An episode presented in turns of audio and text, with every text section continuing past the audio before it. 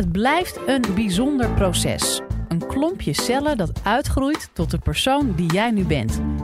In deze podcast laat neonatoloog Arno van Heijst jou zien hoe een embryo zich in negen maanden tijd ontwikkelt tot een kindje dat rijp genoeg is om geboren te worden. Maar ook wat er moet gebeuren als zo'n kindje veel te vroeg geboren wordt en een deel van deze ontwikkeling misloopt. Live vanuit Club Air is dit de Universiteit van Nederland. Wat is het eerste waar iedereen eigenlijk op wacht als een kind geboren wordt? Huilen, huilen, ja. Want huilen zien we als een teken van het is allemaal goed met het kind. En dan willen we weten is het een jongetje of een meisje. Um, Zo'n 170.000 keer per jaar is dat een moment waarop gewacht wordt bij de geboorte van een kind. Maar dat is het aantal kinderen wat er ongeveer jaarlijks in Nederland geboren wordt. Um, meestal reden voor vreugde, uh, beschuit met muisjes, cadeautjes, glaasje champagne. Maar dat is niet altijd zo. Um, bij ongeveer 4500 kinderen die per jaar geboren worden, gaat er iets mis en zijn er problemen rondom die geboorte, na die geboorte. En die problemen kunnen zo ernstig zijn dat die kinderen opgenomen moeten worden op een intensive care afdeling. Um, omdat ze hele speciale um, hulp nodig hebben om voor die problemen behandeld te worden. Ik ben neonatoloog en een neonatoloog is een kinderarts die zich bezighoudt met zorg voor pasgeboren babytjes. En dat doe ik in het Radboud UMC in Nijmegen. Um, en een belangrijk deel van die zorg van de kinderen die daar opgenomen worden um, gaat over problemen die samenhangen met vroeggeboorte. En de meest extreme te vroeggeboren kinderen zijn kinderen die geboren worden al na een zwangerschapsduur van 24 weken. En zet dat even af tegen wat normaal is, 37 tot 42 weken. Dus 24 weken is niet een beetje te vroeg, maar is echt heel erg veel te vroeg. En deze kinderen hebben een derde deel van de zwangerschap niet doorgemaakt in de buik van de moeder. En dat kan hele specifieke problemen met zich meebrengen, waarover ik u later meer ga vertellen. Zo'n te vroeg geboren kindje van 24 weken is een heel klein kind. En soms zijn die kinderen 500 gram. Om een antwoord te kunnen geven op de vraag wanneer is een embryo nou af, en ik zou het iets willen vertalen, wanneer is een kind klaar om eigenlijk geboren te kunnen worden, um, is het van belang dat we het over twee dingen hebben. Namelijk, hoe ziet nou eigenlijk de ontwikkeling van een kind eruit voor de geboorte, dus vanaf conceptie tot aan de geboorte. En als zo'n kind dan niet de normale zwangerschap doorloopt en die 37 tot 42 weken haalt, maar te vroeg geboren wordt, wat zijn dan de problemen waarmee zo'n kindje geconfronteerd kan worden? Om vervolgens te kijken, kunnen we met die kennis en die kunde een antwoord geven op de vraag wanneer een embryo eigenlijk af is om geboren te kunnen worden. Begin ik met een stukje van de embryologie. Um, dat is een ontzettend fascinerend gebeuren als we daarover nadenken. Zaadcel en eicel en dat wordt een individu en tig jaar later um, zijn wij dat allemaal.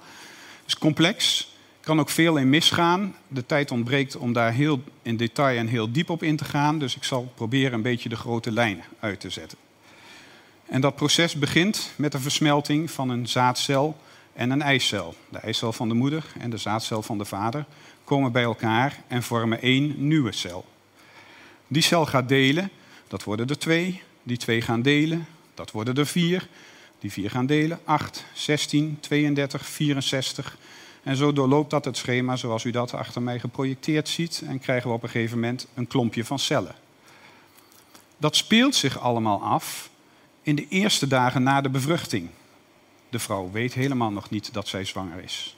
Um, heeft, is daar zich helemaal nog niet van bewust. Maak een sprongetje van die eerste dagen. Ga naar week drie. Um, dan begint al aanleg van belangrijke organen. De hersenen, uh, het hart, de longen, de maag en de darm. Bij twaalf weken is eigenlijk in principe alles wat aangelegd moet worden aanwezig. Alle organen die een mens moet hebben, een kind moet hebben, die zijn gevormd. Het is niet zo dat er na die twaalf weken nog organen gemaakt worden of gevormd worden die er daarvoor niet aanwezig zijn. Dus het hart in eerste aanleg is er, de lever is er, de nieren zijn er, de darmen zijn er. Maar natuurlijk nog niet klaar om goed te werken. Wat moet er gebeuren tussen die 12 weken en die geboorte normaal gesproken na de 37 weken? Dat is uitgroei van al die organen. Het kind groeit en de organen groeien. En wat betekent die uitgroei? Dat die organen van een hele eenvoudige structuur naar een veel meer complexe structuur gaan. En dat die organen van niet kunnen functioneren toe moeten gaan naar het moment van geboren worden en allemaal zelf wel goed kunnen functioneren. En daar is tijd voor nodig en dat speelt zich af tussen die twaalfde week en die 37 plus weken. Ehm, ook voor de longen kun je een soortgelijk verhaal houden. Ehm, de longen die ontstaan eigenlijk als een uitstulping van de primaire aanleg, primitieve aanleg van de darmen. Dus de longen komen uit, uit de darmen eigenlijk. Um, daar stulpt een knopje uit aan de voorzijde van die darm en dat knopje splitst zich in twee takken. De ene tak gaat de linkerlong vormen en de andere tak gaat de rechterlong vormen. En die takken vertakken zich, net als met die deling van die cellen, in tweeën, in vier, in acht en zo steeds verder. Ehm, tot die long zo groot is dat aan het uiteinde van die vertakkingen de longblaasjes gevormd moeten worden. En de longblaasjes zijn die delen van de longen waar de gasuitwisseling mee plaatsvindt. Dus waar het zuurstof van de long naar het bloed gaat en het koolzuurgas vanuit het bloed weer naar de long. En bij 24 weken begint ongeveer de aanleg van die longblaasjes. Maar dat is nog primitief. Dat zijn eigenlijk geen blaasjes, geen echte blaasjes, maar dat zijn soort zakvormige structuren. Eigenlijk nog helemaal niet voorbereid op ademhalen. En de echte longblaasjes die zien we pas terug vanaf 36 weken ongeveer. En ook voor de longen geldt dat de uitgroei van longblaasjes in aantal en vorm doorgaat na de geboorte. Maar belangrijk om te zien wat 24 weken betekent qua structuur van de long in vergelijking met een voldragen kind. Bij 24 weken uh, is lang nog niet alles volgroeid. Er komt nog een heel stuk achteraan voor een kind eigenlijk geboren kan worden. En dat heeft consequenties voor de wijze waarop wij de geboortezorg in Nederland georganiseerd hebben. Dat betekent dat wij met elkaar hebben afgesproken dat kinderen tussen 37 en 42 weken gewoon thuisgeboren kunnen worden. Want daar verwacht je immers geen bijzondere problemen. Kinderen die tussen 32 en 37 weken geboren worden, moeten in een ziekenhuis geboren worden. Maar dat kan in principe in ieder ziekenhuis van Nederland, als daar maar een couveuseafdeling aanwezig is. Maar kinderen die geboren worden na een zwangerschap van minder dan 32 weken, die moeten geboren worden in een centrum met intensive care faciliteiten, zoals bij ons in het Radboud UMC in Nijmegen. En in totaal hebben we tien van dat soort ziekenhuizen. Um, dat komt omdat de kinderen zo onrijp zijn dat we zoveel problemen kunnen verwachten um, die begeleid moeten worden, dat daar een gespecialiseerd team van dokters voor nodig is, zoals ik, neonatologen. En dan belt de gynaecoloog ons en die zegt: Mevrouw gaat bevallen um, en het kindje is pas 24 weken, dus dan moeten wij daar naartoe, want we moeten het kind gaan opvangen. Dus we gaan met een opvangteam naar de verloskamers. En ook voor een kindje van 24 weken geldt eigenlijk hetzelfde als voor een voldragen kind. Je zou het liefst willen dat hij hard huilt, als teken dat het goed gaat met hem of met haar. Maar denk even terug aan het plaatje van de longen van 24 weken. Dat gaat meestal niet zo goed. Dus onze eerste actie is te helpen um, die ademhaling op gang te brengen of die ademhaling te ondersteunen als het kind dat niet zelf goed kan. Dat wil zeggen die kinderen aan te sluiten op een beademingsmachine noemen we dat. Dat is een machine die blaast lucht in de longen van een kind. En in die lucht kunnen we dan extra zuurstof stoppen. Want als we dat niet doen, dan heeft zo'n kind het benauwd, want die kan niet goed ademen. En die krijgt te weinig zuurstof in het bloed. En ik hoef u niet uit te leggen dat te weinig zuurstof in je bloed natuurlijk levensbedreigend kan zijn, maar daar kan je hersenschade van oplopen en van dood gaan. In die eerste opvang zijn meer dingen belangrijk. Um, kinderen koelen heel snel af, dus we zetten ze een mutsje op, we pakken ze in plastic folie zodat ze niet afkoelen. Ze gaan de couveuse in.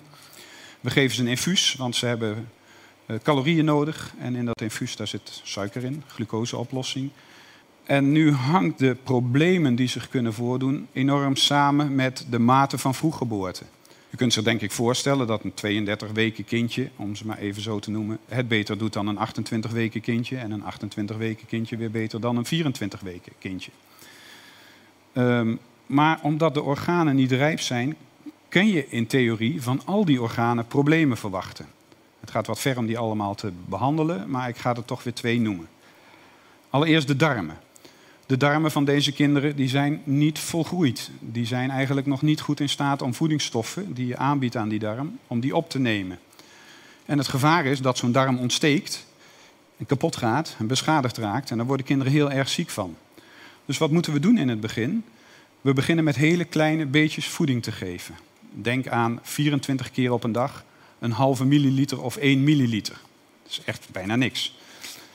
Die kinderen kunnen ook nog niet goed drinken, want als je zo jong bent, dan weet je niet hoe je moet drinken. Dat weten die kinderen gewoon niet. Dus wat doen we? We brengen een slangetje in, via de neus in de maag. En via zo'n slangetje geven we dan de voeding. En we vragen de moeders eh, om te kolven. En moedermelk, want dat is wat we het liefste geven. Uh, moedermelk af te kolven en via een spuitje geven we dat in via dat slangetje aan het kind. Maar ze hebben natuurlijk wel meer vocht nodig dan 24 keer 1 milliliter, want anders zouden ze ontzettend veel tekort komen. Dus we moeten ze ook voeding geven via een infuus.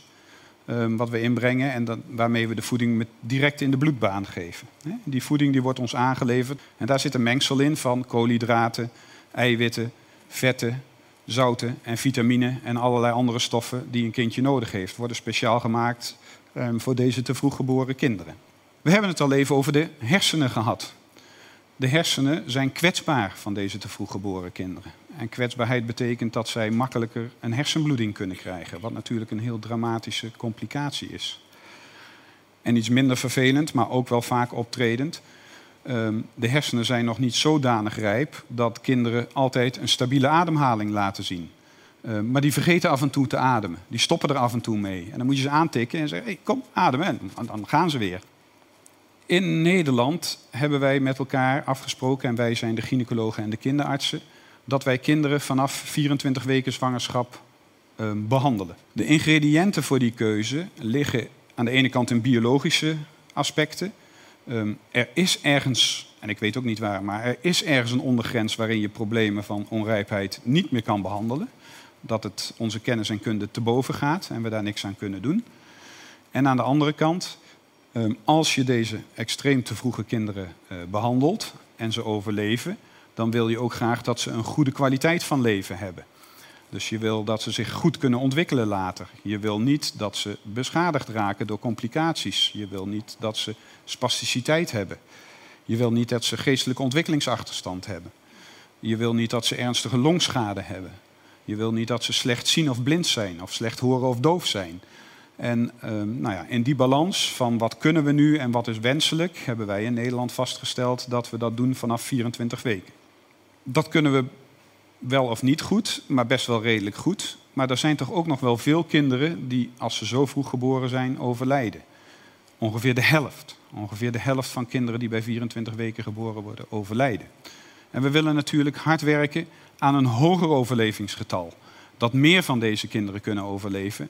En als we nu steeds zeggen, het is belangrijk dat een zwangerschap verder komt, dat een kind over die 37 weken heen gaat. Het is belangrijk dat een kind in de buik van de moeder blijft, in de baarmoeder blijft. Wat klinkt er dan niet logischer als te zeggen, goh, als zo'n kind dan toch geboren wordt en we kunnen dat niet tegenhouden, kunnen we dan niet een kunstbaarmoeder maken, zodat we het kind in die kunstbaarmoeder kunnen leggen? Nou, daar wordt heel hard aan gewerkt. Dat is een landelijk project in Nederland, um, geïnitieerd door de TU in Eindhoven. Um, maar onze collega's in Amerika die zijn daar eigenlijk al een beetje verder mee. Dus deze ontwikkelingen die komen eraan. Onze Amerikaanse collega's zeggen dat het nog drie jaar duurt voor zij kinderen gaan behandelen op deze manier. Terug naar de uitgangsvraag. Wanneer is een embryo af? Of in mijn woorden, wanneer is een kind nou eigenlijk zover um, dat hij of zij geboren kan worden? Het antwoord moet natuurlijk zijn bij een voldragen zwangerschap van minstens 37 weken. Maar gelukkig zijn wij ook toenemend in staat om kinderen die toch te vroeg geboren worden, onder die 37 weken, um, om die te behandelen. Maar het moet beter en het kan denk ik ook beter. En uh, ik hoop dat de nabije toekomst uh, ons uh, dat gaat brengen. Dank u wel.